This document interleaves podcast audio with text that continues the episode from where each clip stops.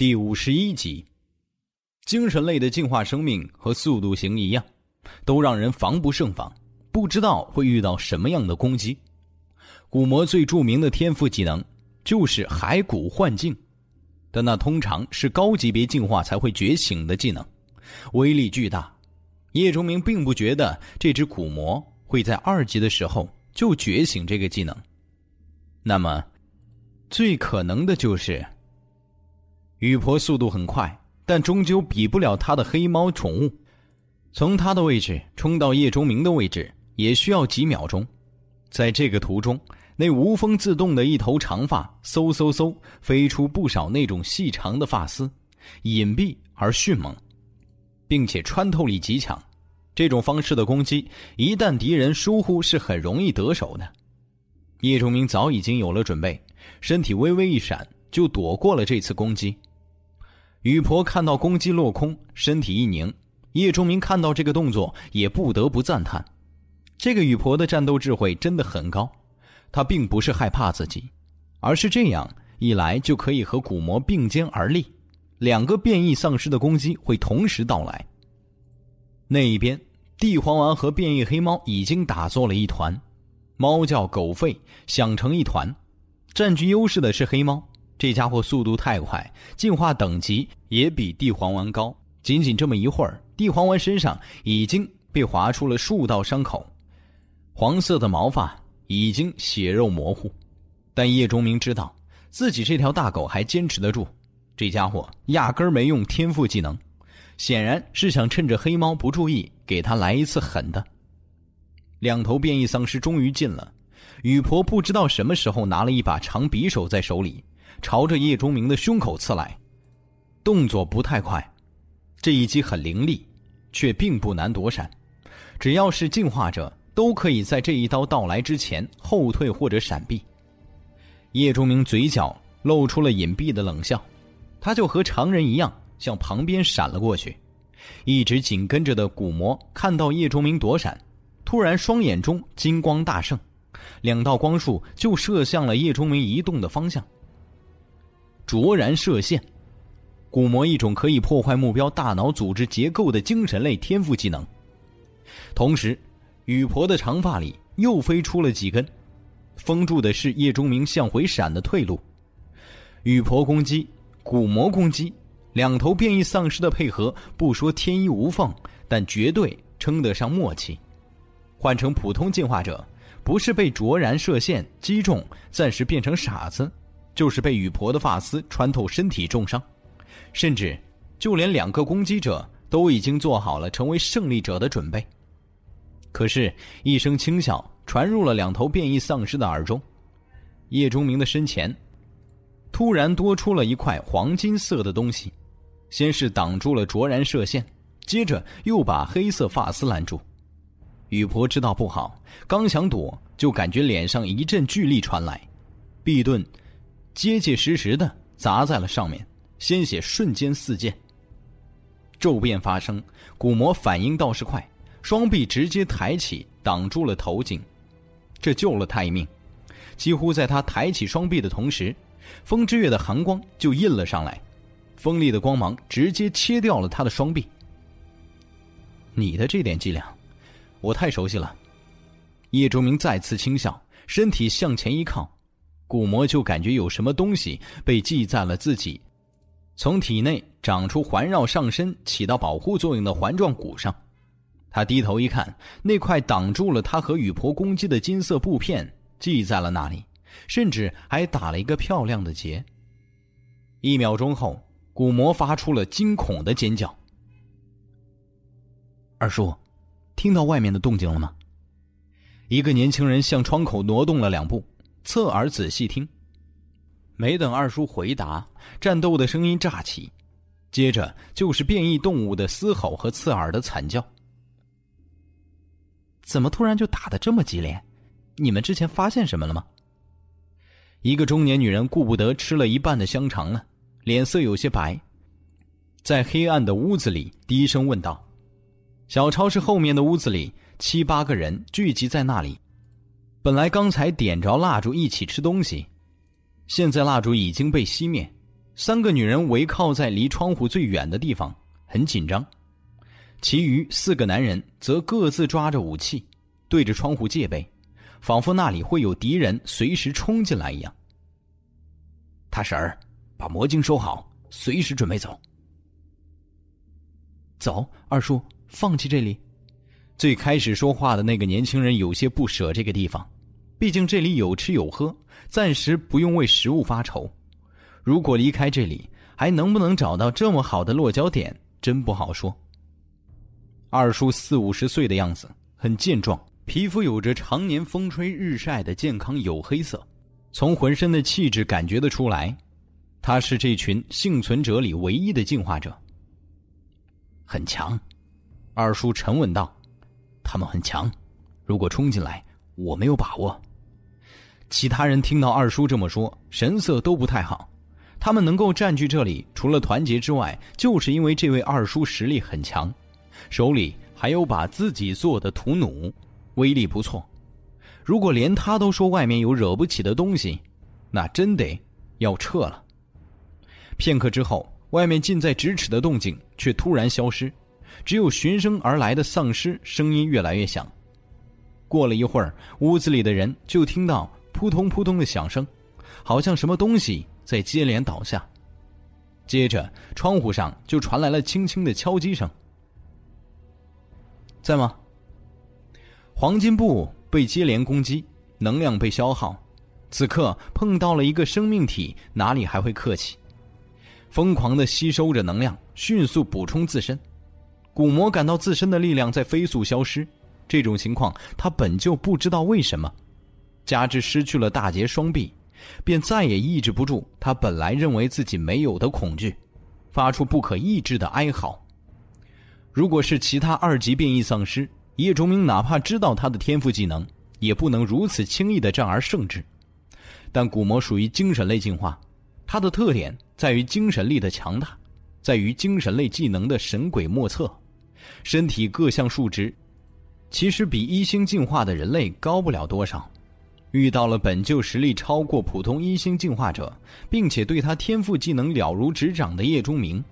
古魔的失败是注定的。从开始变异到成为二级进化体，这只古魔战无不胜，没有谁可以抵挡他的灼然射线，这是他能够如此快速进化的原因。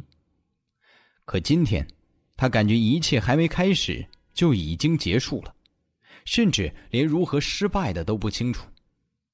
但有一点，古魔知道，失败往往意味着死亡。哪怕是从丧尸进化而来，死亡依然是最恐惧的事情。他想要解开保护自己身体的环形骨上面系着的黄金布，可双手已断，无论他如何动作都无能为力。古魔已经感觉到身体飞速的在虚弱，可他却无力阻止。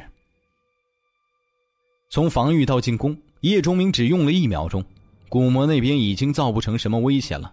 他的全部注意力都在雨婆身上，和古魔一样，雨婆本身的素质除了敏捷之外，比不上其他类型的变异丧尸。被叶钟明一顿砸在了脸上，身体直接就向后退去了老远。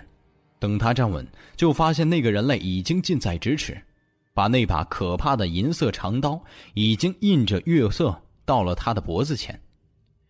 命悬一线之时，雨婆突然嘴一张。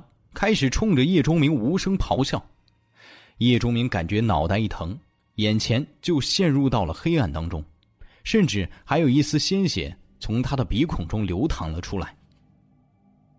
这不可能，无法形容叶钟明此刻的惊骇，因为雨婆现在正使用天赋技能“通灵之刺”，他只是一个二级的变异丧尸，已经有了精神种子和能量护地两个天赋技能了。怎么可能还掌握了第三个？就算他会，也要他进化第三次的时候才会获得。叶钟明想都没有想，全力挥舞风之月护住身前，同时另一只手凭借感觉向旁边一点，那里应该有一根路灯。轰！路灯随着这一指变形，成为了一个黑身黑脑的钢铁人，刚一出现就扑了过去。目标正是张嘴咆哮、面容狰狞的雨婆。坚硬的身体直接撞到了雨婆的身上，通灵之刺戛然而止。通灵之刺这种攻击类的精神天赋技能，直接损伤生命的意识，非常的歹毒。这种技能甚至被幸存的人类列为了末世二十大禁术之一。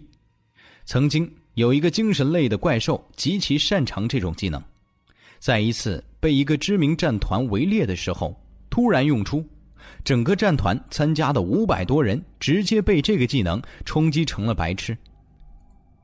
其中不乏星六星、七星的中高级进化者，甚至方圆百里之内的所有生命都因为这个技能受到了影响。根据距离事发地的远近而留下了或轻或重的精神类后遗症，由此可见这种天赋技能的可怕。叶仲明算到了古魔的天赋技能，却没有算到雨婆的这个后招，同时也万分不解，这个雨婆是如何在二级的时候就能够拥有三个天赋技能？这颠覆了末世十年形成的理论。通灵之刺在雨婆身上。还没有当年那头怪兽的威力，但足以让一星进化者的叶钟明头疼欲裂，视力暂时受损。好在叶钟明也是有底牌的，凝幻术就是底牌之一。路灯变成的钢铁巨人出现，打断了使用天赋技能的雨婆，这让叶钟明立刻不那么难受了。黑猫看到主人受伤，喵呜的一声就冲了过来。在和地黄丸的战斗中，占据了绝对上风的他，丝毫没有把那个被自己压着打的笨狗放在眼中，全身心想要营救自己的主人。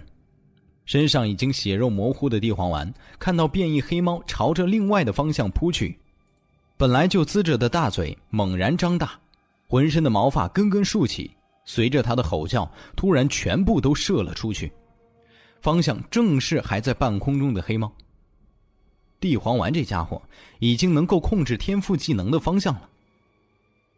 变异黑猫显然没想到那条被自己挠得浑身是血的大狗会在这个时候发动技能，后面的响动传来，它本能的开始拼命躲闪。但是地黄丸身上的毛发有多少，又怎么可能那么容易被躲过？黑猫惨叫了一声，屁股尾巴上就插满了地黄丸的毛。虽然这个技能因为毛发太多，以至于威力不是那么大，和雨婆每次几根的头发攻击不能相比，但架不住数量多。这些毛发插进了黑猫的后半截身体上，立刻让这只灵敏如同黑色闪电一样的变异动物从空中掉了下来，摔在地上，发出“嗷”的一声。因为又有不少毛发被这一摔顶进了身体，虽然并不致命。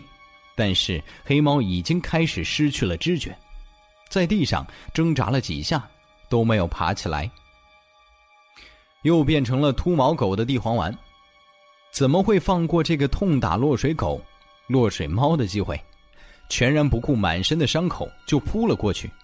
他觉得只要吃掉这只变异黑猫就可以进化了。那边雨婆被路灯变成的钢铁人撞倒，看上去非常惨。眼睛、鼻子、耳朵、嘴巴，都向外渗着鲜血，他的血颜色非常特殊，竟然是天蓝色，流淌到惨白的脸上之后，在这样的夜晚，就如同阴间的厉鬼。被打断天赋技能，让雨婆受到了重创，本来就被一顿砸得不轻的她，此刻也只是在强撑。发现那个扑倒了自己的钢铁怪物要继续攻击。头发里突然飞出了几根发丝，瞬间射入了钢铁人的身体。这个用路灯为蓝本召唤来的钢铁人过于普通了，叶钟明也没有投入更多的精神力，所以耐久度只有十点。被雨婆这几根发丝射穿身体，顿时就光晕一闪，爆成了金属碎块。可这点时间已经让叶钟明恢复了过来，眼睛能够视物，看到雨婆的惨状。提刀上前就要解决这个雨婆的命，叶钟明要让他知道，不是什么人，都能惹的。可偏偏这个时候，那个本来在一边自己跳舞的古魔，大概觉得没什么希望了，竟然咆哮着撞向了叶钟明。叶钟明不得不反身一刀，直接砍下了古魔罪恶的头颅，并且把他身上的黄金布重新收回了空间水晶。这么一耽误，给了雨婆机会。这个变异丧尸知道自己已经彻底失败，如果再不逃走，就真走不掉了。有了很高智慧的雨婆，快速跑向了自己的黑猫，几根发丝攻击逼退了地黄丸，抱起已经不能动弹的宠物，开始疯狂逃跑。叶钟明发现的时候，雨婆已经跑出去了几十米。被这家伙偷袭已经激怒了叶钟明，看到到了手的猎物要走，怎么能让他如意？深吸了一口气就要追上去，可身后的超市突然传来了说话声。耳力过人的叶钟明听到了，心中就是略微一踌躇。这一下彻底追不上雨婆了。这只二级变异丧尸飞速的逃远。消失在了叶钟明的视线中。超市的声音提醒了叶钟明今天要做的事情。他害怕追着雨婆去了，回来这些人已经离开。就是这一权衡，让他失去了斩草除根的机会。暗说了一声可惜，叶钟明挖下了古魔的魔晶后，把尸体扔到了一边，摸了摸地黄丸，低语了几声，这条大狗就一瘸一拐的跑走了。战斗把小区的丧尸吸引来不少，这些家伙对于叶钟明来说不算什么。他迅速把附近的丧尸清理了一遍，又在其他地方弄出了一些声响，吸引了丧尸的注意力后，轻轻地敲了敲超市的窗户，问了句：“在吗？”超市里面一片寂静。放心，我没有恶意，是来和你们交换东西的，只是遇到了丧尸，打了一架。顿了一下，叶钟明继续道。我就一个人，有净化药剂，让人觉得安全，并且有他们的需求，这是末世交换的不二法则。叶钟明靠着墙仔细听着，他听到了里面在沉默了半分钟之后，有人在低声的商议，他也不急，没有再催促。过了两分钟，终于里面的窗户露出了一个缝，一个中年人的脸出现在了那里。四处寻找了一下，看到叶钟明，警惕望了望四周，压着声音问道：“从哪里得来的消息？”邓哥，就你一个人？是。周围有没有丧尸了？都被引开了。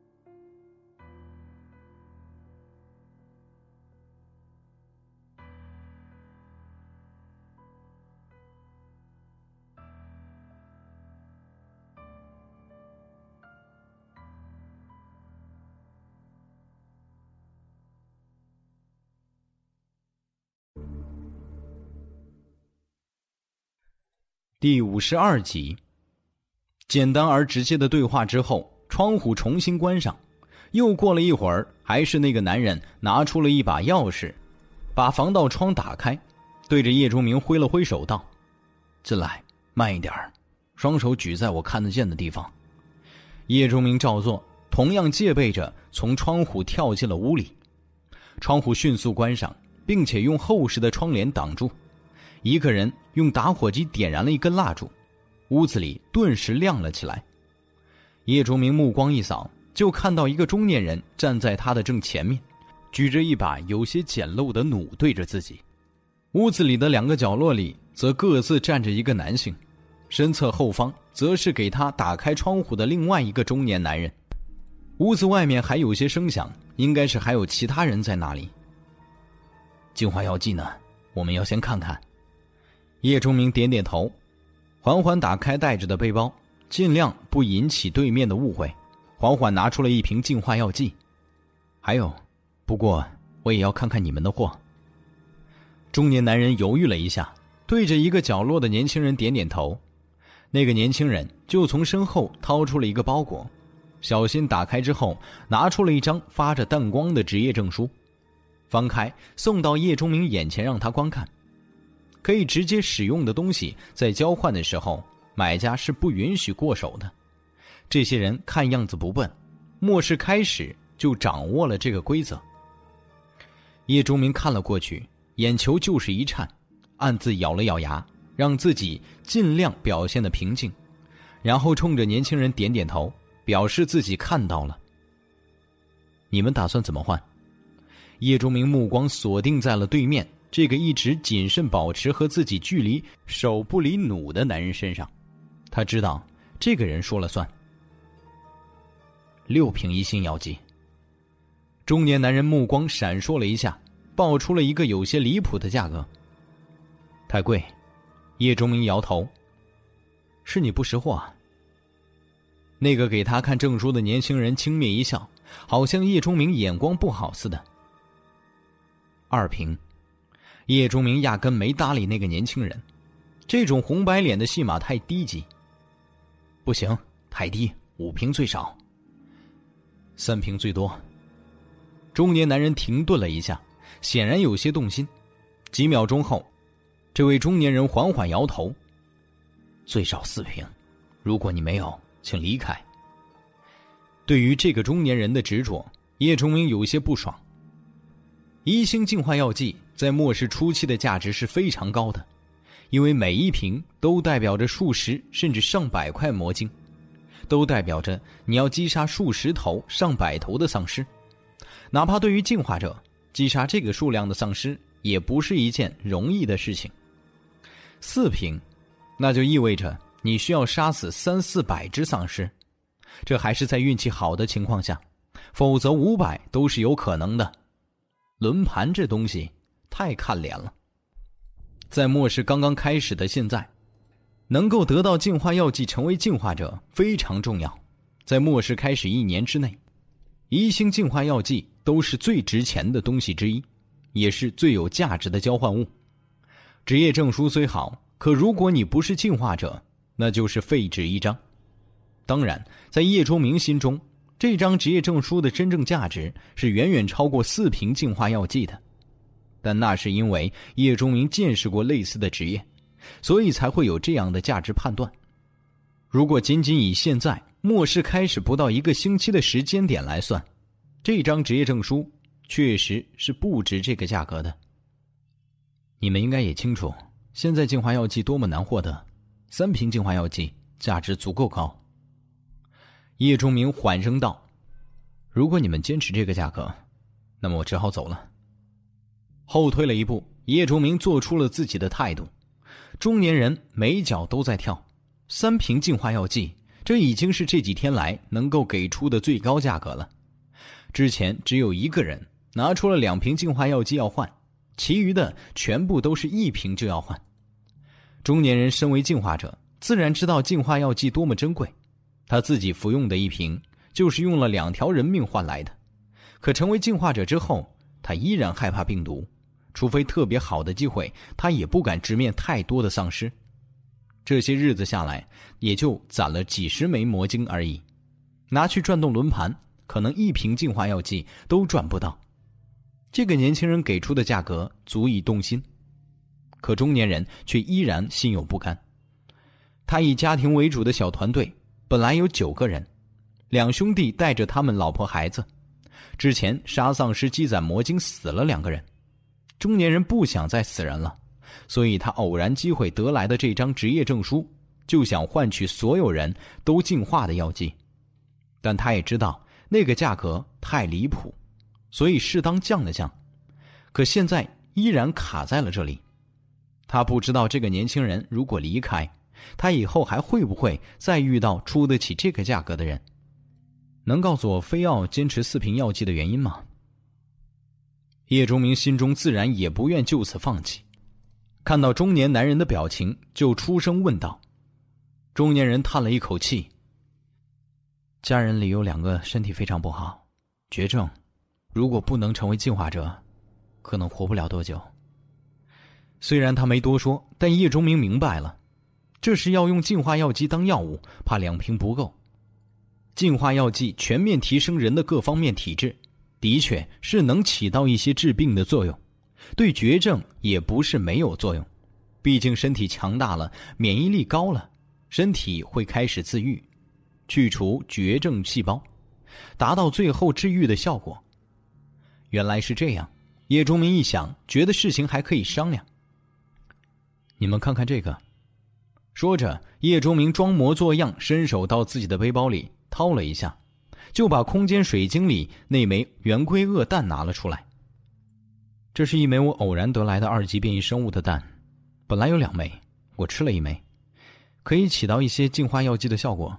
虽然没有净化药剂提升身体素质多，但终归还是能让身体强健一倍以上的，并且这东西可以多次使用，每一次都有效果。当然，只有第一次效果最好。如果加上这个，你们看怎么样？圆规鳄的蛋由于被黄金布吸收了一些生命能量，所以表皮有些灰白，生命波动也没有以前剧烈，但终归还是一枚活蛋，食用是有效果的。屋子里的人一听，眼睛都亮了。那个拿证书的年轻人急声问：“对所有人都有效果？”进化者呢？也有效，我亲身体验过。屋子里顿时又安静了，但是这几个人的眼神在空中互相交织，以此来传递信息。这是我最后的出价，如果依然不行，那我只能说声遗憾了。叶钟明在恰当的时机补上来一刀。这弹真的有你说的作用？中年男人这么问，其实已经是答应了。叶钟明心中一喜，确定，其实你也是进化者，应该感觉得出来它蕴含的波动。中年人点点头，咬牙道：“好，成交。”虽说成交，但双方还是非常谨慎的，生怕对方暴起袭击，由交换变成抢夺。三瓶药剂，一枚蛋，换成了一张职业证书。叶钟明从来时的窗户跳了出去。或许是这帮人为了救家人不惜一切的态度感染了叶钟明，也可能是他们老实交易的做法赢得了叶中明的好感。出来超市之后，叶中明回头道：“再过几天这里就不太安全了，你们最好尽快离开。”站在窗前的中年一愣，但还是点点头，说了声谢谢。叶中明最后问了一句：“能告诉我这张职业证书是如何来的吗？”恕我直言，你们还没有能力去转动出产职业证书的轮盘。中年人沉吟了两秒，道：“我们在一个地方发现了两只怪模怪样但都非常强大的怪物打架，这东西就在一个怪物的窝里。”叶钟明点点头，看了看周围后，快跑了两步，消失在了黑夜中。小区围栏旁边的一棵树下，叶钟明打开职业证书。上面写着职业名称：光辉印刀师，又一个带着前缀的强大职业。叶钟明没听说过这个职业，但并不妨碍他百分百确定这个职业的强大，因为之前自己获得的带着前缀的荣耀工匠职业已经让他深感威力，现在又碰到这么一个带着前缀的职业，哪里还不知道是好东西？更何况。荣耀，这只是一个副职业，就已经强的离谱了。这光辉印刀师明显是一个主职业，一定会更加强大。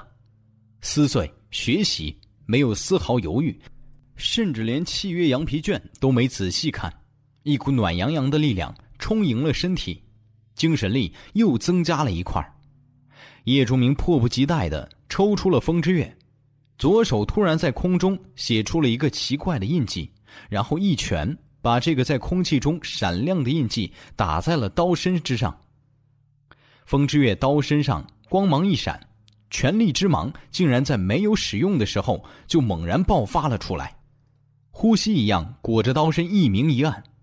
在刀芒的边缘部位，仔细看上去，竟然有类似于火焰燃烧在空气中造成的折射现象，让整把刀周围有种空间折叠之感。印风焰刀，叶钟明屏住呼吸，突然对着前面的空地全力挥出了一刀。一道红色的光芒炸起，从风之月直接连在了地面。这片红色光芒仿佛在作画一样，以叶钟明的手为原点，瞬间画出了四分之一个圆形。轰！那地面本来是翠绿色的草坪，再向前则是砖石铺成的小路。就在这一刀之下，全部燃烧了起来。升腾的火苗瞬间达到了三四米，照亮了半个小区。火焰出现的快，消失的也快，只是一秒钟的时间，火焰就不见了。燃烧过的地方一片漆黑，无论是草地还是石路，都被烧成了飞灰，只留下一个长三米、深一米的裂口，看上去就像地面被劈出了一个迷你深渊。叶钟明被这一刀深深震撼了。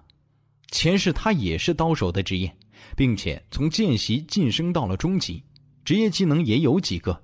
但哪怕是后来出现的技能，威力和燕刀相比也不够看。可以说，如果不计算六星进化者和一星进化者力量和技巧上差距而造成的威力差异，这一刀足以碾压前世刀手的所有职业技能，甚至。哪怕把全部因素都加上来计算，叶钟明估计这一刀也差不多有前世自己全力出刀一半威力的样子。虽说是一半，但要知道前世他是六星进化者，现在只是一星，这之间的差别太大了。换句话说，等到叶钟明成为二星或者三星进化者的时候，很可能这一刀的威力就足以和前世六星时候媲美。这是一个什么样的概念？叶钟明比谁都清楚。光辉印刀师这个职业，实质上应该是两个职业的合二为一，一个是印法师，一个是刀手。印法师是用精神力，通过特殊的方式，以印记的形式出现在体外，发挥印记自身所带的各种能力。刀手自然不用说，叶钟明自己就是。并且这个职业的数量在前世还不少，他就知道有超过二十个人是这种职业，而光辉印刀师则是把印法印刻在刀上，来激发更大威力，非常特殊。因为印法无法自己发挥威力，必须通过刀这个载体才可以发挥。印法师这个职业叶钟明没听说过，但相似的职业，比如全印师。指印师之类，叶钟明是知道的，但由于这些职业者数量不多，同时也有些偏文，不是什么强力职业，所以叶钟明了解不多。可有一点他是知道的，就是全印师、指印师这些职业都是直接用印的，通过拳、指等这些身体部位打出印，以印来攻击敌人。在这一点上，叶钟明拥有的这个职业无法做到。光辉印刀师的技能分为两部分。一个是印法，一个是刀法。印法是如何做印，刀法是如何用刀。比如现在叶钟明刚刚获得了这个职业，是一个见习光辉印刀师。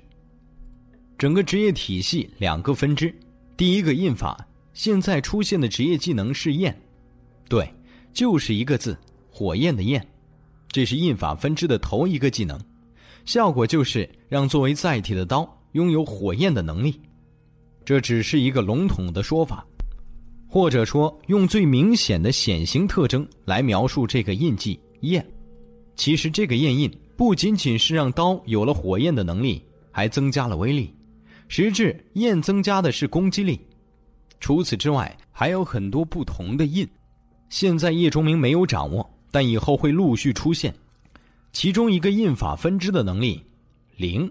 可以让刀拥有的能力是罕见的空间能力，这个能力就不增加攻击力了，而是增加让人感到恐怖的速度。出刀挥刀的速度强大到极致，会把距离变成零，这几乎就是一击必杀的技能。结合在一起的名字就是印风灵刀。其余还有不少，叶钟明暂时没法去研究。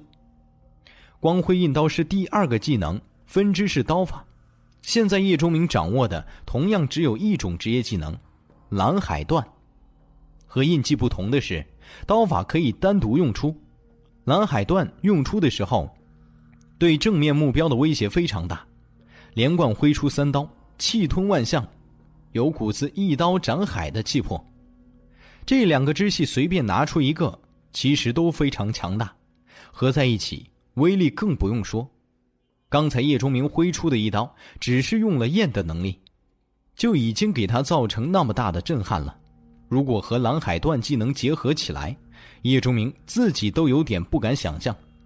并且有一点非常关键，也是这个职业强大的另一个地方，就是作为载体的刀，如果够好，对这个技能有着加成作用。现在叶钟明手里的风之月，其他属性不说，自带的权力之芒就可以对焰产生增幅效果。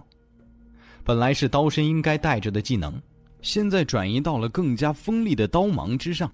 光光这一项，叶钟明感觉至少比。只用刀身时提升三成威力。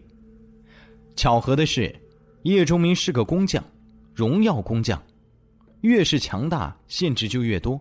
这一点，叶钟明深信不疑。这个职业也一样，叶钟明不会只看到他强大的一面，也了解他受到限制的一面。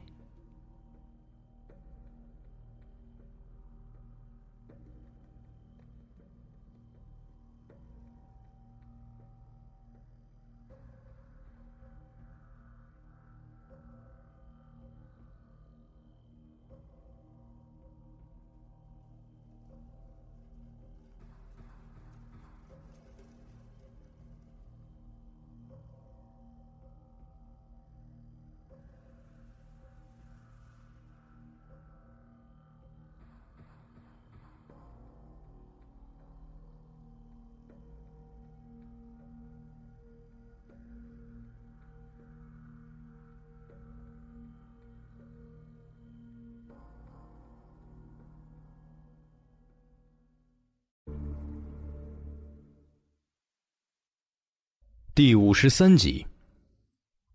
首先就是一个困扰叶钟明良久的难题：这个职业使用技能的时候，精神力消耗很大。刚才只是用一个焰印，精神力就没了快一百点。如果结合蓝海段用出，估计一百五十点挡不住。就算学会了这个职业，增加了一些精神力，但是这个消耗数也是非常巨大的，和梁初音的。影四方五玄有的一拼，估计用两次叶钟明的精神力就消耗的七七八八了。其次，印法对于作为载体的刀要求很高，普通的刀根本不可能承受印的力量，别说使用，印上去之后刀都会毁掉。这就要求这个职业的拥有者有好的武器。叶钟明幸亏是工匠职业。手中的风之月品质已经是银色级别，否则要是别人得到了这个职业，估计找一把合适的刀都要费尽力气了。从这一点看，那些人没有学习这个职业还是对的，他们学了，只会暴殄天物。最后，也是最让叶钟明头疼的，还有一个问题：印都是临时的。就是说，每用一次职业技能，都需要重新打一次印在刀身上。用过之后，印的威力就会消失，而且这个印是有时间限制的，非常短暂，几秒钟而已。在这个时间内不用，印也会消失。叶钟明是多么希望打上一次印记就能永远留在刀身上啊！这样下一次只需用刀法的职业技能就可以了，那精神力。得省下多少，并且还可以在战斗的时候节省不少时间，或者让对手没有防备。不过这些不足之处都是瑕疵，并不能掩饰这个技能的强大。叶钟明已经满意的不能再满意了。这个职业要是出现在几年之后，没有十瓶四星净化药剂，根本就买不来。今天算是让他捡了个漏。放倒被刚才动静招惹来的几头丧尸，挖出魔晶。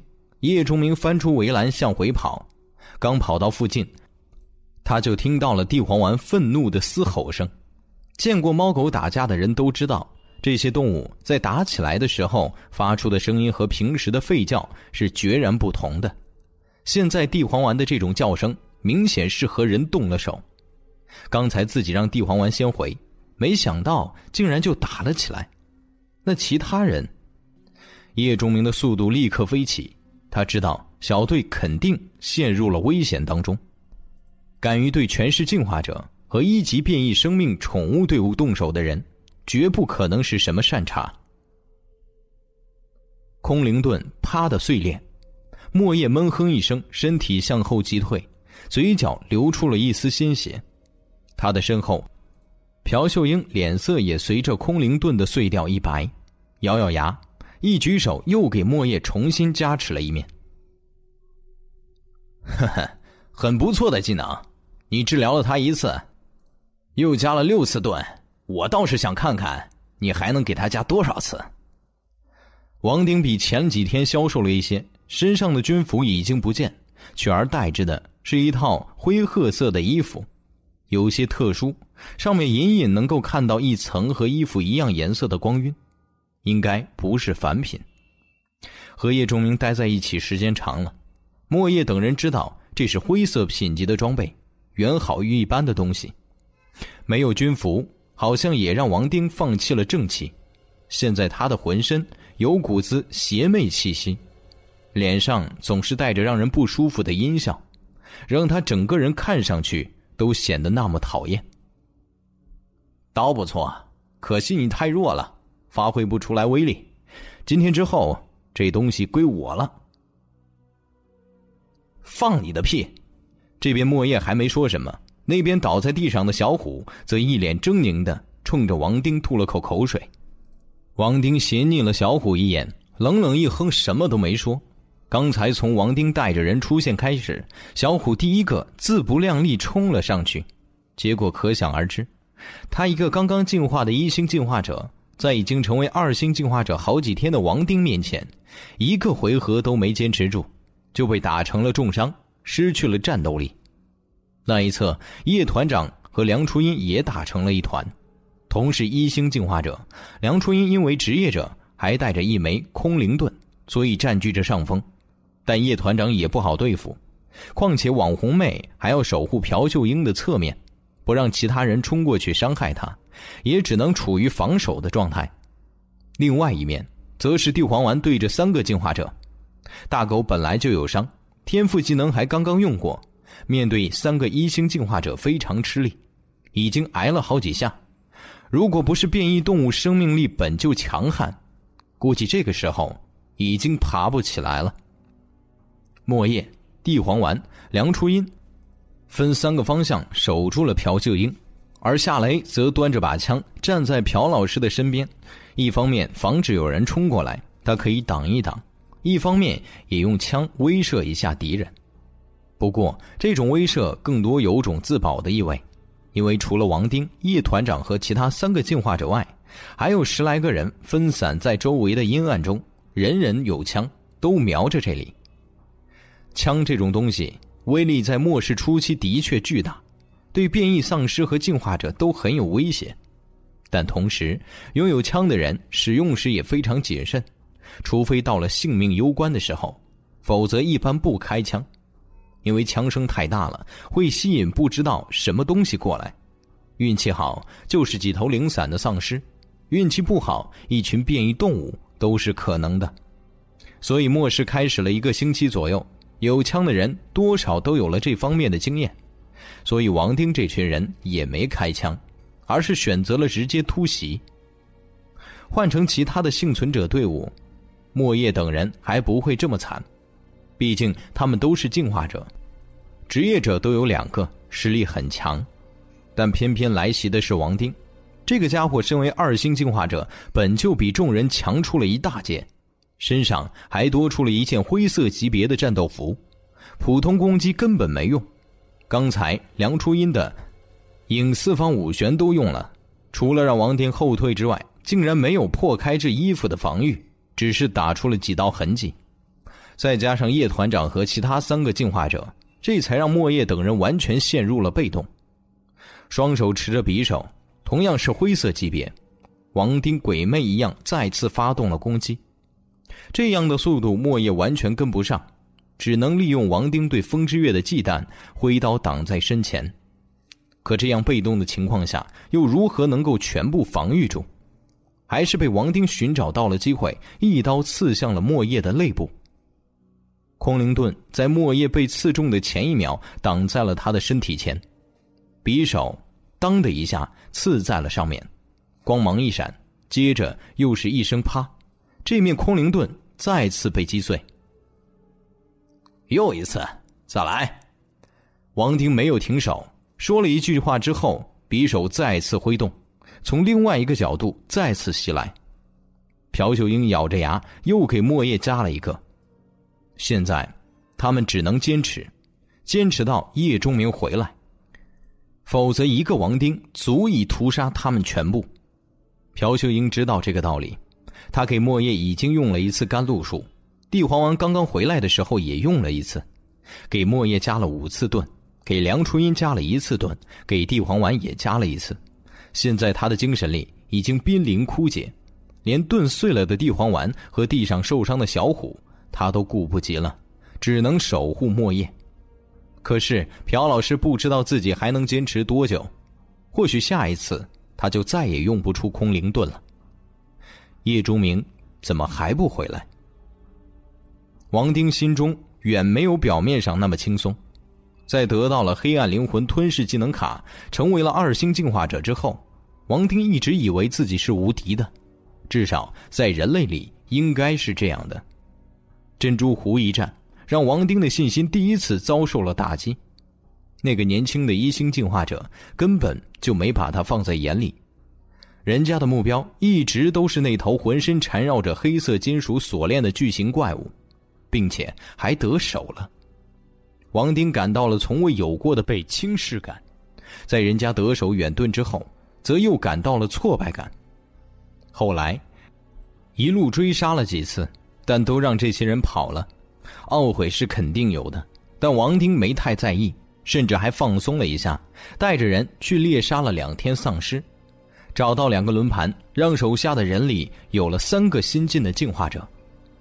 可是等到今天，他们再次追踪到了这支小队，并且交手之后，给王丁的震惊是惊涛骇浪一般的，这帮人怎么突然变得这么强？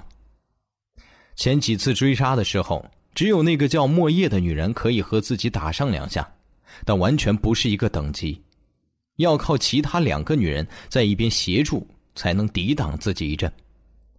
如果不是他们运气好，还有其他人出手救过他们，王丁早就已经大获全胜了。但今天，那个用一根长鞭的女人竟然已经是职业者了。那个柔柔弱弱、以前只能尖叫和朝着自己扔石头的女人，竟然也是职业者了。加上本就有两下子的莫叶，这队伍竟然能够抵挡住自己和手下了。相比于前几天，现在自己的队伍可是多了三个进化者呀，这样都只能打成平手。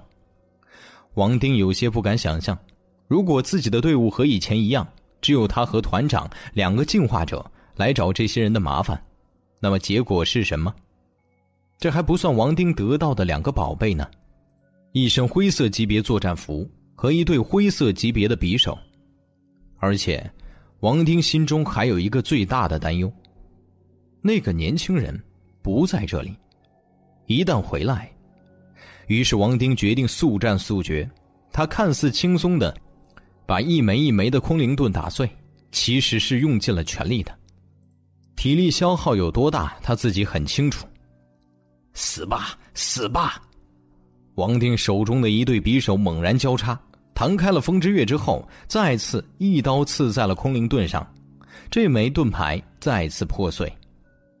朴秀英在后面一挥手，可是却什么都没有出现，本就苍白的脸色一下子变得更加惨淡起来。他的精神力已经不足以再次召唤出空灵盾了。没有空灵盾，莫叶不可能抵挡住王丁。抵挡不住王丁，这些人就都会被杀死。这一刻，所有人都心中一沉，感觉到了死神在耳边的呼唤：“这刀归我了！”王丁哈哈一笑，匕首就朝着莫叶的手腕挥去，砍断那里，就能拿到这把银色级别的刀了。银色呀！你笑得太早了。猛然，王丁身后一个声音响了起来，比声音更快到达的是一片红色的刀芒，印锋燕刀。叶钟明终于在最危急的时刻赶到，直接发动了雷霆一击，全力之芒在焰印的增持之下，跨过两个人之间的距离，切向了王丁。半边天仿佛都被这红色染红，黑夜变得如同白昼一样。这一刀吓傻了叶团长，吓傻了那几个新晋进化者，也吓傻了莫叶他们几个人，太吓人了。黑夜中，色彩给人的视觉冲击本就强烈，加上又是火焰般的亮红色，这冲击更加的彻底和震撼，就仿佛从九天而降的火焰瀑布。王丁转过身，看见了这一道瀑布，有了一瞬间的呆滞。他也被这份黑夜中的美丽吸引了，直到心中警觉大起，王丁才突然色变，向着旁边猛扑。他没有试图去抵挡，哪怕王丁手握着一对灰色级别的武器，身穿灰色级别的作战服，他也没有丝毫信心，因为他看到了一抹亮丽的银色。王丁的速度不可谓不快，生命攸关的时刻，他几乎发挥了他的全部潜能。可他依然没有完全躲过，红色的火焰刀芒在王丁的身上一闪而过，之后便响起了凄惨的叫声。这位二星进化者的左臂从身体上分离，落在了一边，刀芒没有被丝毫阻拦，轰在了地上，冲天火焰而起，如同绚烂的烟花。随着这团璀璨而短暂的烟花，王丁的左臂瞬间被焚成了飞灰。甚至连他的一边身体都燃着了一簇火球。这位刚刚还称王称霸的二星强者在地上狼狈滚动，压灭了火焰之后，带着空气中的焦糊味道和凄惨的已经失声的哀嚎，冲进了浓重的黑夜当中。全场一片寂静，都被这一刀深深震撼。叶钟明提着还带着火焰余韵的风之月缓步走来，目光阴沉。全身上下都散发着一股凛冽的杀气，双脚踏在地上，发出轻微的啪啪声，可是听在别人耳中，却如同地动山摇一般。叶哥，朱明，老大。队伍的人语气里满是劫后余生，还有掩盖不住的兴奋。走！叶团长大吼了一声。当先朝着一个方向奔逃了出去，其他人紧随其后，就像一群惊慌的兔子。刚才那一刀已经让他们心中的勇气彻底消失，这个时候别说战斗，就是让他们面对叶钟明，他们都不敢。梁初音追了两步就停了下来，喘着气，恨恨的抽打了一下地面，脸上满是不甘。其他人也没有任何追击的意图。包括叶钟明，我们也走。叶钟明突然开口，众人却发现他的声音已经沙哑，身体开始摇晃。梁初音立刻跑了过来，挽住了刚才大发神威的男人。其他人愕然一下之后，立刻全部都开始行动起来。莫叶过去扶起小虎，朴秀英检查了一下地黄丸的伤势，拼着耗掉了最后一丝精神力。使用出了一个消耗不大的甘露术，让大狗的伤势好了一些。夏雷则一把抱住这位摇摇欲坠的光明使徒。一行人迅速的离开了这里。就在他们离开了几分钟之后，旁边的黑暗中突然闪出了两个身影，走到了战场之上。一个抬头猛嗅着空气中的气息，一个则蹲在叶钟明一刀劈出来的裂缝旁。用一只有些畸形的手摸了一把烧焦的黑土，伸到嘴里尝了尝。接着，两个人影重新站在了一起，说了一句音节非常古怪的话后，朝着叶团长消失的方向追了过去。清风吹来，一边的草丛里，一只正在变异的小虫子听到了什么，好像是美味。叶中明醒来的时候，就听见外面传来乒乒乓乓和说话的声音。嘿嘿，队长，怎么样？我这招厉害吧？小虎小人得志的样子，摆动着手中的棍子，对着莫叶嬉皮笑脸。刚才他一棍逼退了莫叶，让他很是兴奋。他以前别说战胜莫叶，就是想进到莫叶身边都困难。现在成为了进化者，加上男性体质更好一些，至少在身体素质方面已经和莫叶差不多。放屁！我是让着你。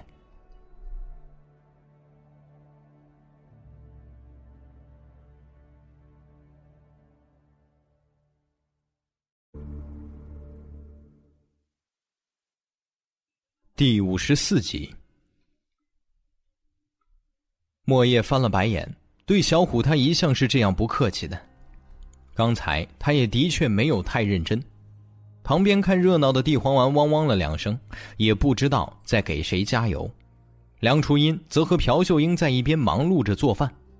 夏雷坐在一边看着莫叶和小虎，眼中闪过丝丝羡慕。进化者的强大让他心痒难耐。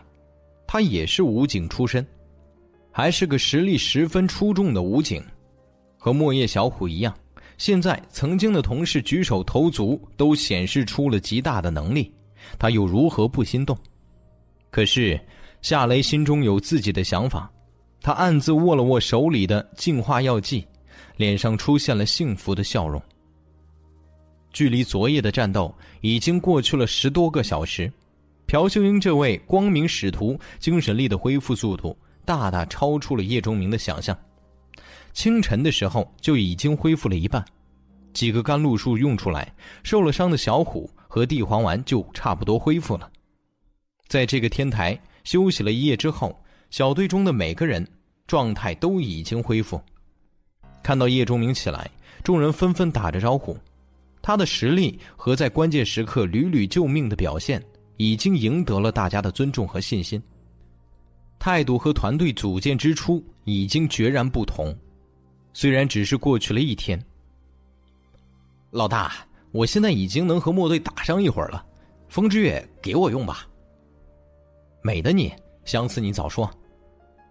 昨天晚上靠着风之月和王丁周旋，让莫叶这位英姿飒爽的警官已经爱上了这把锋利的武器，让他割爱。门儿都没有。老大，这是小虎对叶钟明的新称呼。叶钟明被小虎和莫叶的情绪感染，笑了笑，把因为用了两次燕刀造成体力耗尽而让王丁跑掉的郁闷放下，道：“不就是一把刀吗？”一把刀，小虎凑了过来，一边说一边比划：“老大，你昨天是没看见王丁那样子。”虽然靠着进化等级高占尽了优势，可一点都不敢碰风之月的刀刃，最多找准机会磕一下刀背，那忌惮呢，老明显了。兴奋之下，家乡味儿都出来了。再给你做一把就是。啥？小虎嘴里能塞住一个鸭蛋，瞪大眼睛看着叶钟明。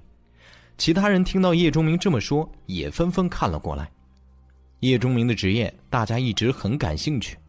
但叶钟明没详细说过，大家也不敢多问。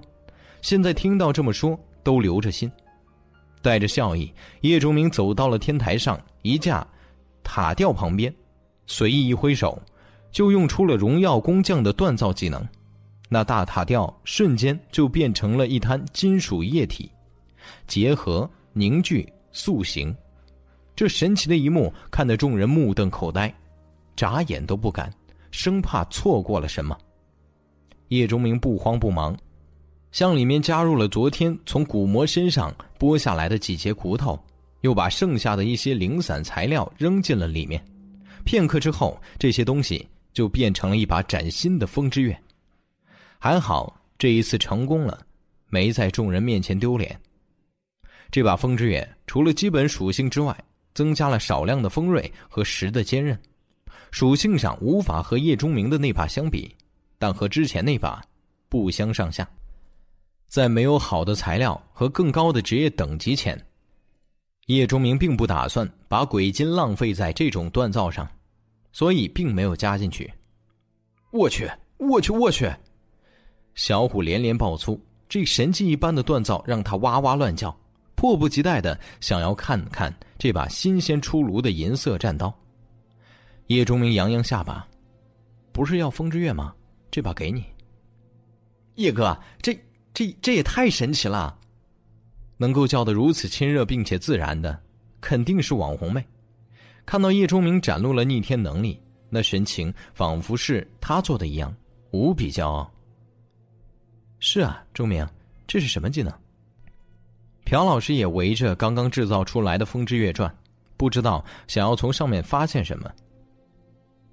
我的副职业工匠。太厉害了，老大，再做一把吧。小虎眨眨眼，心中其实是想让夏雷夏姐也有一把，人家可是专门学过刀法的。有把这样锋利无匹的刀在，都敢和进化者比划比划。叶钟明没好气的瞪了他一眼：“你当是大白菜啊？做这个不说别的材料，费用就是需要一枚二级魔晶。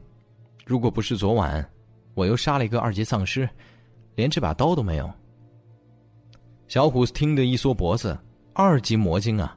现在团队里有能力单杀二级变异生命的只有叶仲明，其他人要配合才行。”所以，哪怕是对于现在强大的小队来说，二级魔晶也是非常珍贵的东西。夏雷低着头，神色有些复杂，心中是难受的。他虽然也在众人之间，可是却感觉到了明显的玻璃感。叶钟明显然没有把他当成自己人，这很正常，毕竟他是要离开的，但依然不能让夏雷释怀，于是就有些闷闷的。钟明，莫叶走了过来。看了一眼和自己手里在外观上极其相似的全新风之月后，问道：“这里没有偏离我们定好的路线，现在要怎么走？去哪儿？”叶钟明走到天台的边缘，看向了下面，脑海里结合牢记的城市地图对比了一下，指了指不远处一栋青色建筑：“我们去那里，找一个人。”乐大远蹲在角落里。抱着双膝，把头深深埋在膝盖之间，这样可以让他感觉好受一点。毕竟身边就是好几滩人类的或新鲜或干硬的排泄物。他是一家国企精工仪器厂的高级工程师，末世来临之前拿着厂子里前五位的工资，在这个城市过得还不错。不过他的老婆依然不满意，整天念叨着以乐大远的技术。跳槽到私企，年薪早就几十万了。乐大远性子弱，没什么开拓精神，图稳定就没挪窝。两口子因为这个事情没少闹矛盾，但毕竟高级工程师的名头早，每年十来万的年薪也还凑合，所以倒也没发生其他的事情。可末世突然来临，一切都变了。他引以为豪的技术没有用武之地。瘦弱的身躯和高度的近视，让乐大远失去了工程师的光环。当天，很多仪器厂员工都自发聚集在了一栋家属楼，乐大远和他老婆也不例外。可接下来的事情，让乐大远绝望。强壮的人开始占据主导地位，因为他们可以抵御丧尸，因为他们可以找来食物，因为他们可以镇压反抗。而瘦弱无力的人，逐渐沦为了最底层。在精密仪器厂，以前高层里除了个别上面委派下来的领导之外，头脑、学历、技术占优的人是金字塔上层的人，拿着高工资，享受着高待遇，受人敬仰，被人瞩目。这些人精于技术，善于头脑，却柔弱单薄，身体乏力。末世开始后，一部分变成了丧尸。另一部分人侥幸活了下来，但手无缚鸡之力的他们，别说杀死丧尸，就是出去找食物，跑上几十米都气喘吁吁的，双腿发软。而那些以前负责体力劳动、做着没什么技术含量的普通工人，则用他们强健的体魄能够找到吃的，甚至可以偶尔杀掉落单的丧尸，得到那种据说可以转动神秘轮盘的晶体。只要转动到了一种药剂，就能够成为进化者。于是，曾经高高在上的人跌落神坛，而取而代之的，则是那些本来被踩在脚下普通人，掌握了权力，还是远比以前多得多的权利。食物、水、香烟、酒，各种物资，甚至女人的优先权和独享权。对于这样突然的变化，乐大远和其他很多技术人员一样不适应，但这并不重要，因为和平年代，高层还会听一听下面的意见，或多或少、或真或假的做做姿态。可现在，什么姿态、什么倾听都是扯淡。如果你不听话，就滚蛋。甚至惹怒了人家，轻则拳脚一顿，重则致残死亡。有的时候，乐大元就感觉自己回到了一个时期，奴隶时代。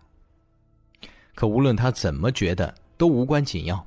重要的是，人家更适应这个世界，而自己不行。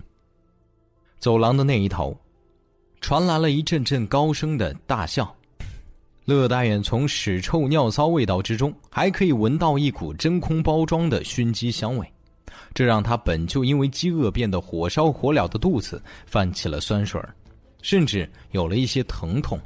但他不敢抬起头，因为他害怕从敞开的门看到自己的妻子。在末世开始的第五天，那个和乐大远做了十几年的夫妻，虽然经常唠叨他，但是一直给他洗衣做饭的女人。终于敌不过饥饿和口渴的煎熬，投入到了一个曾经厂里的装卸工怀抱。那是乐大远人生中第一次和人动手，也是第一次鼓起一种叫做勇气的东西。结果非但没有阻止什么，还被人打得头破血流，倒地不起，眼睁睁的看着。那一刻，乐大远感觉自己死了，可肉体的死亡。远比乐大元想象的困难。他站在窗口，看着下面数十米处游荡着丧尸，他的决绝如同空气中的气泡，破碎了。或许在最肮脏的角落里等死是最好的结局吧，至少这个过程不会那么激烈，也就不会那么痛楚。乐大眼从双膝的缝隙当中看着自己的脚尖，如是想着。一阵脚步声传来，几个人走到了走廊尽头处，这些只能在冰冷地面上睡觉的人群前。各位技师高工们，你们好啊！说话的人嘿嘿笑着，傻子才会认为他正在问好。这个人是以前精密仪器厂的保安队长管长春，四十出头的年纪，据说曾经是混社会的，因为伤人罪进去蹲了几年。出来后，参加了一个市里帮助刑满释放人员的计划，被分配到了厂里当保安，一干就是七八年。这七八年，管长春倒是没惹事，老老实实的干着本职工作。今年年初的时候，成为了保安队长，身体强壮，会三拳两脚的功夫，这些放到社会上或许不算什么，但是放在这里，已经足以设服所有人。自然而然的，成了那些保安壮劳力的头子。现在十几个人跟着他。哎呦，都不说话呀！管长春脸上带着讥笑，眼中没有一点对这些挤在一起、面黄肌瘦人群的怜悯。末世的到来，彻底激发了他心中隐藏的邪恶和狠毒。我可是来告诉你们好事来了，这个态度，对我怎么好呢？管长春故意叹着气，右手揽过一个年轻女子。吃的快没了，得出去找了。大家毕竟同事一场，这一次我准备从你们中选几个人跟着我一起。谁打算来？说完，目光在众人脸上一扫，继续道：“去的人不管能不能找到食物，都能吃一顿饱饭，还给发一瓶水。如果找到食物了，就有三天的口粮。”这一下，人群有些沸腾。这些人饿了很久，如果能得到一点吃的，他们愿意做一些事情。要是让他们自己去找食物，他们还真不敢。前几天不是有人因为饿的受不了去找吃的吗？可是没有一个回来，甚至有两个刚刚走出大门就被丧尸吃掉了。那凄惨的叫声，现在还令大家毛骨悚然。但如果和管长春他们一起去，就没什么问题了。这帮人不仅打人的时候手狠，打丧尸也可以的。他们成群行动的时候，三五个丧尸都不在话下。我去，带我一个吧！我也去，还有我。顿时，不少人都站了起来，打算去占点便宜。这么积极啊！管长春眼中得瑟一闪，随手指了两个人。这两个人顿时满面喜色，感觉食物已经到手了。这个时候，管长春一个手下凑到了他的耳边说了两句。如果乐大远抬头，就会看见说话的这个人正是占了他妻子的那个装卸工。还缺一个，乐工，就你吧。乐大远错愕抬头，不明白这种好事怎么会轮到自己。可当他看到那个装卸工的音效时，他有了种不好的预感。老大，你确定是这里吗？小虎把这栋楼上下搜寻了一遍，除了干掉十来只丧尸，没找到一个活人。叶忠明站在仪器厂一楼的大厅里，皱着眉头。他意识到自己可能找错地方了。他来这里是找人的，寻找一个前世被称之为远尸的牛人。在别人嘴里谈论这个人的时候，他记得那个人应该是在这里走出去的。可是现在这里没人，难道自己听到的那个传言里关于远世出身的地方是不对的？自己重生以后第一个要找的人就这样和自己错过了？叶哥，快来看，那边有人用活人吸引丧尸啊！网红清脆娇美的声音从窗户旁传来。到你了，快去！一个个子很矮的男人被推了出去。可是刚才同伴被丧尸咬死的一幕刚刚发生，他又怎么能听话的去送死呢？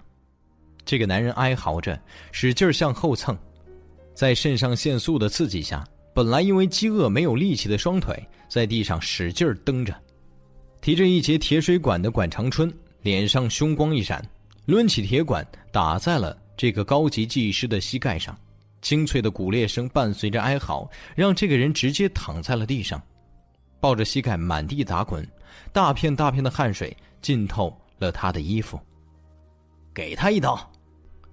管长春一声令下，旁边就窜出一个人，直接在这个男人的另一条腿刺了一下，鲜血立刻就流淌了出来。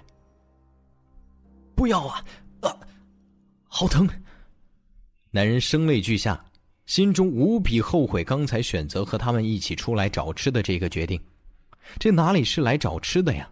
分明就是拿他们当诱饵，吸引超市附近的丧尸。血腥味在空气中迅速的扩散，片刻之后，周围就响起了丧尸特有的嘶嘶声。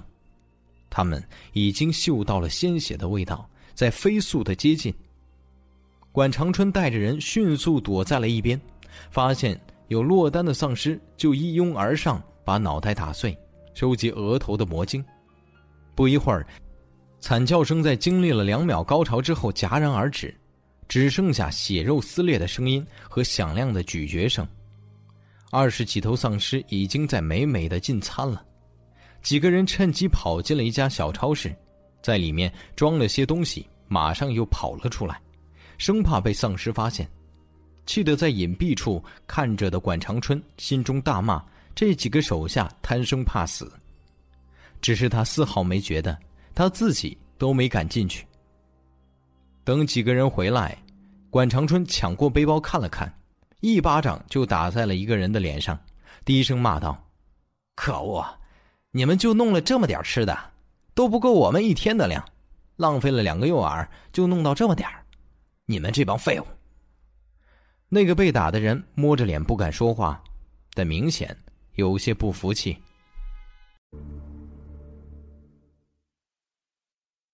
第五十五集，长春哥，这不是还有一个呢吗？那个装卸工如同提小鸡一样拎着乐大远的后衣领，这一路上他对这个高级工程师拳脚相加，理由竟然是他那个老婆。偶然一次提出给乐大远一点吃的，管长春看了看乐大远，犹豫了一下，其实他本打算用两个诱饵弄到足够的吃的，然后用最后一个不断放血，吸引丧尸落单收集魔晶的。不过现在看来，也只能先选择弄到足够的食物了。好在家里诱饵还不少，下次再弄魔晶吧。好，给他开一道口子，让他向那边跑吧。管长春说完，一把捏住了乐大远的下巴，狠声道：“乐公，你听好了，我虽然给你开了个口子，但没伤你的腿。一会儿你就给我向那边跑，我们会接应你。你跑出来了，你就活着，还会得到食物；跑不出来呢，就只能怨你命薄，被丧尸吃掉。听懂了吗？”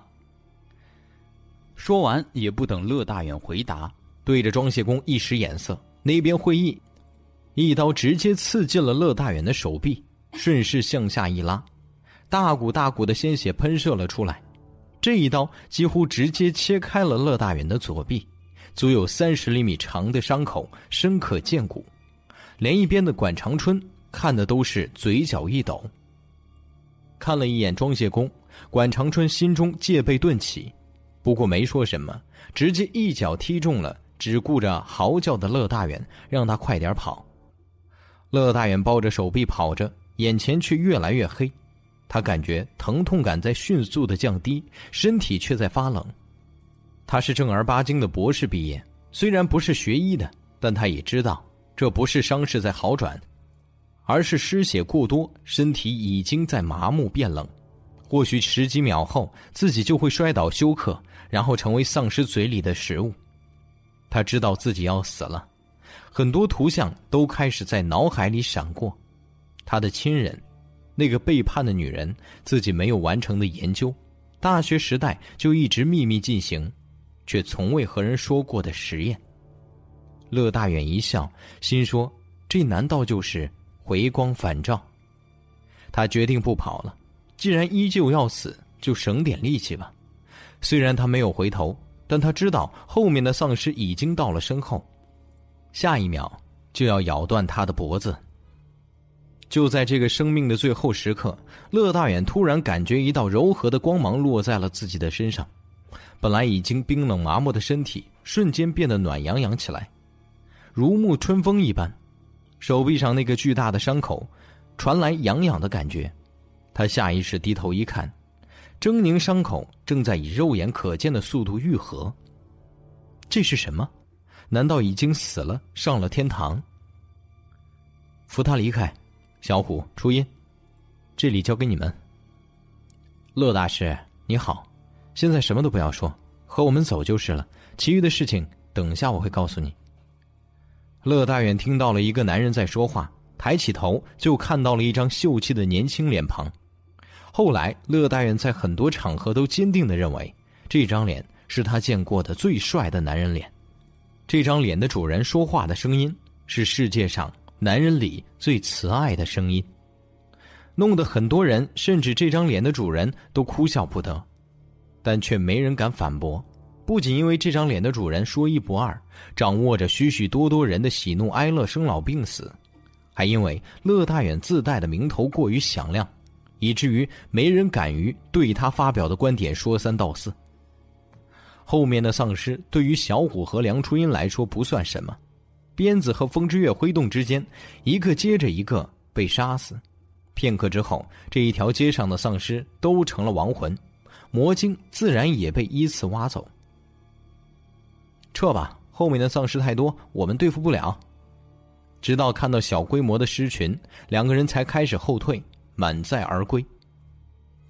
看着床上一脸懵懂，还有几分畏惧的中年人，被朴秀英用一个又一个甘露术救治。莫叶站在叶钟明身后一步远的地方，低声问道：“钟明，这人是谁？”叶钟明有些愣然：“这人是谁？”他没有说出来，而是在心中回答：“这人叫乐大远，在末世被人尊称为乐师。”他不是什么九星强者，也不是什么战团首领，更不是基地的领导人，他只有一个称谓：魔晶武器之父。前世叶崇明所熟悉的那个末世，人类能够在进化程度越来越高的丧尸，具有繁衍能力的怪兽，有着高度智慧和特殊手段的变异人，以及自身发生巨大改变、强悍无比的动植物等等这些变异生命的夹缝中活下来，原因有很多。但有一点不能否认，这些原因当中，人类发明了魔晶武器是最重要的原因之一。武器的重要不言而喻。特别是在人类的进化史上，武器也是随之进化的，并且很快就强大到了远超人类本身的地步。在末世里也一样，丧尸、怪兽、变异人这些，他们的身体在进化的同时，总是有一些部位会发生改变，有些不明显的只是强化了皮肤、骨骼等，明显的比如进化出了铁臂、鞭尾、利爪，甚至其他更神奇的形态。身体同样进化的情况下，拥有特异特征的这些怪物无疑会占据更多的优势。或许一些强大的人类利用技能、职业等可以和他们抗衡，但这些人终究只是少数。更多仅仅进化了身体的人类，面对这些非人生命的时候，就变得非常无力。那么，人类如何同这些怪兽对抗？枪炮吗？先不说和平年代研制出更多是为了对抗同类的热武器，对逐渐强大的怪物杀伤力弱化的问题，就说已经被破坏殆尽的工业体系，也已经不能从整体上支撑所有人类幸存者武器弹药的消耗。从轮盘上得到的武器太少，工匠制作出的武器太少，绝地里得到的武器还是太少。这些渠道得来的武器装备虽然强大，但数量太少，相比于幸存者的数量而言，就是九牛一毛。所以在末世初期，人类的进化速度本就追不上变异生命，加上没有什么可以增加实力的武器，处于绝对的劣势，也就并不难理解了。直到魔晶武器的问世，叶钟明记得很清楚，有一天他执行任务回来。得到了一个让他震惊的、久久不能平静的消息：一个大型幸存者基地联合了一个战团，一起清剿了一个非常著名的绝地，并且大获全胜。在获胜的一个星期之后，这两个势力再次联合，收复了一座一线城市。在末世开始后，人类从未取得过这么大的战果，从未一次性消灭过这么多的怪兽和丧尸，哪怕是核弹攻击也比不了。后来，叶崇明知道一种全新的武器被发明了出来。这种武器和传统的枪械不同，他们不需要炸药，需要的是魔晶。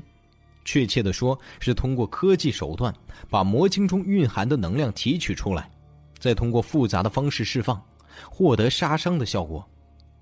魔晶枪、魔晶炸弹、魔晶地雷、魔晶炮等魔晶武器应运而生。虽然由于无法解决这种魔晶转换装置的扁平化问题，造成不能在冷兵器上安装魔晶，但那些类似于现代装备的魔晶武器诞生，也足以解决了人类装备上威力低下的情况。普通的进化者可以使用魔晶武器对战强大的变异生命。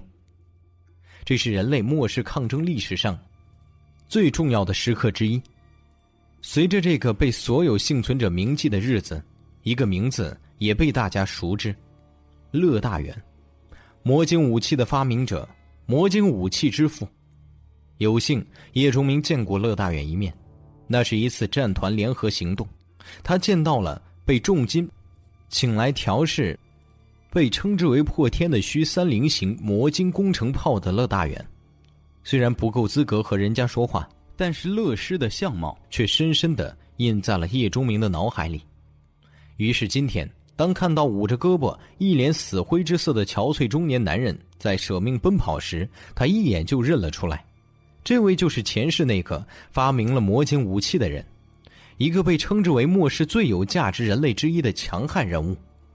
现在，叶钟明的心情就和当初得到鬼金时有些相似，满是兴奋和期望。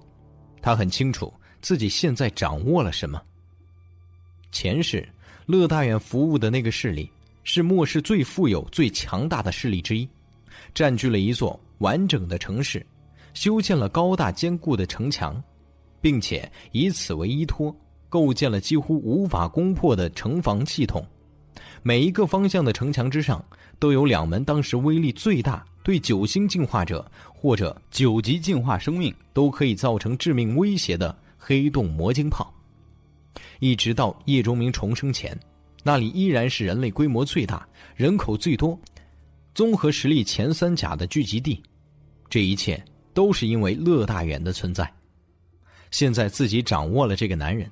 那么自己是不是也可以和前世的那个势力一样，拥有那样睥睨天下的成就？这让他越想越激动。为什么？为什么救我？乐大远的智商可不是普通人可比。或许性格上有缺陷，但看到这帮人救了他的命，又给他用这么神奇的治疗术疗伤，他自然知道肯定是有理由的。我，我没什么用，杀不了丧尸。找不到吃的，我想到这几天的遭遇，乐大远眼圈一红，就说不下去了。叶钟明在一边听得眉毛直跳。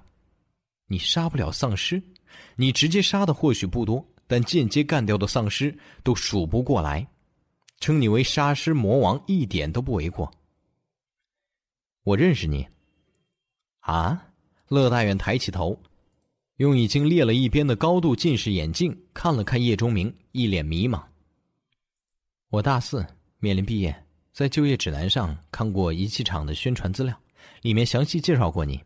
我对搞高级技术的人一向比较敬佩，所以就记住了。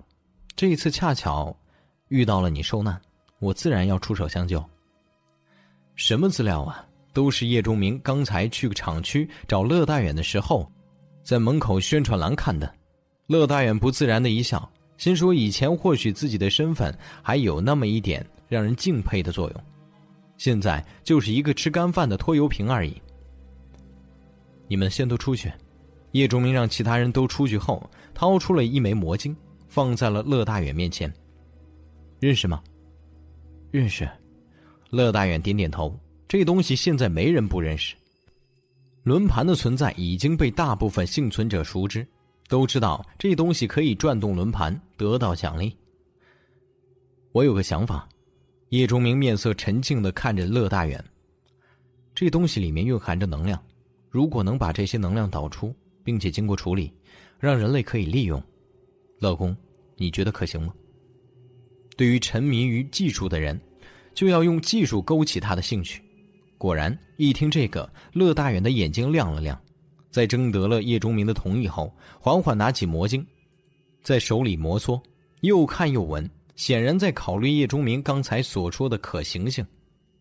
叶钟明趁热打铁，说出一连串他前世知道的关于魔晶武器的一些原理，甚至还透露了一些装置的构成部件。乐大远是这方面的专家，一听之下，连手臂伤口愈合的神奇都忘记了，立刻进入兴奋状态。嘴里嘟嘟囔囔的说一些专业术语，叶钟明根本就听不明白。先吃点东西吧，叶钟明递过去一盒午餐肉和一袋面包。听说搞技术的人都愿意喝点红酒，这是我找到的一瓶李奇堡干红葡萄酒，乐公打开喝吧。这自然也是叶钟明前世得来的消息，知道乐大远愿意喝干红，现在投其所好。自然让已经饥渴难耐的未来魔晶武器之父感激。至于这瓶葡萄酒，也是叶钟明专门去一家大超市里顺的。看着狼吞虎咽吃东西的乐大远，叶钟明突然又道：“以后如果乐公不嫌弃，就跟着我们吧，至少不用担心饿肚子。顺便研究研究魔晶这东西，我尽量给你提供便利条件，你看怎么样？”乐大远没抬头，继续吃着东西。只是动作却越来越慢，他明白叶钟明的意思，这是一种招揽。帮我做一件事情，之后，我乐大远的命就是你的。管长春正仰头享受着，感觉一疼，心中的火气就又起来了，一脚踹倒了跪着的女人。混蛋，这点事都做不好，你说你还有什么用？年轻女子捂着疼痛的胸口，不敢说话。甚至不敢从地上站起，贪婪的看了一眼敞开的上衣里诱人的春光，那个装卸工凑到了管长春身边：“老大，吃个罐头吧，水果的，补充补充维生素。”看了一眼这个手下，管长春嗯了一声，接过罐头，一边吃一边脑海里想着今天遇到的那伙人。他看得出来，那都是非常厉害的人，可他们怎么会救一个废物呢？现在这情况，可没人会养一个米虫。管长春突然想起，好像身边这个手下占了人家老婆，就想让他把女人带来亲自问问。可没等开口，就听见楼下大门处传来“轰”的一声。被堵得严严实实的大门被撞开了，家属楼里立刻乱了起来，很多人跑出来张望，到底发生了什么？慌什么？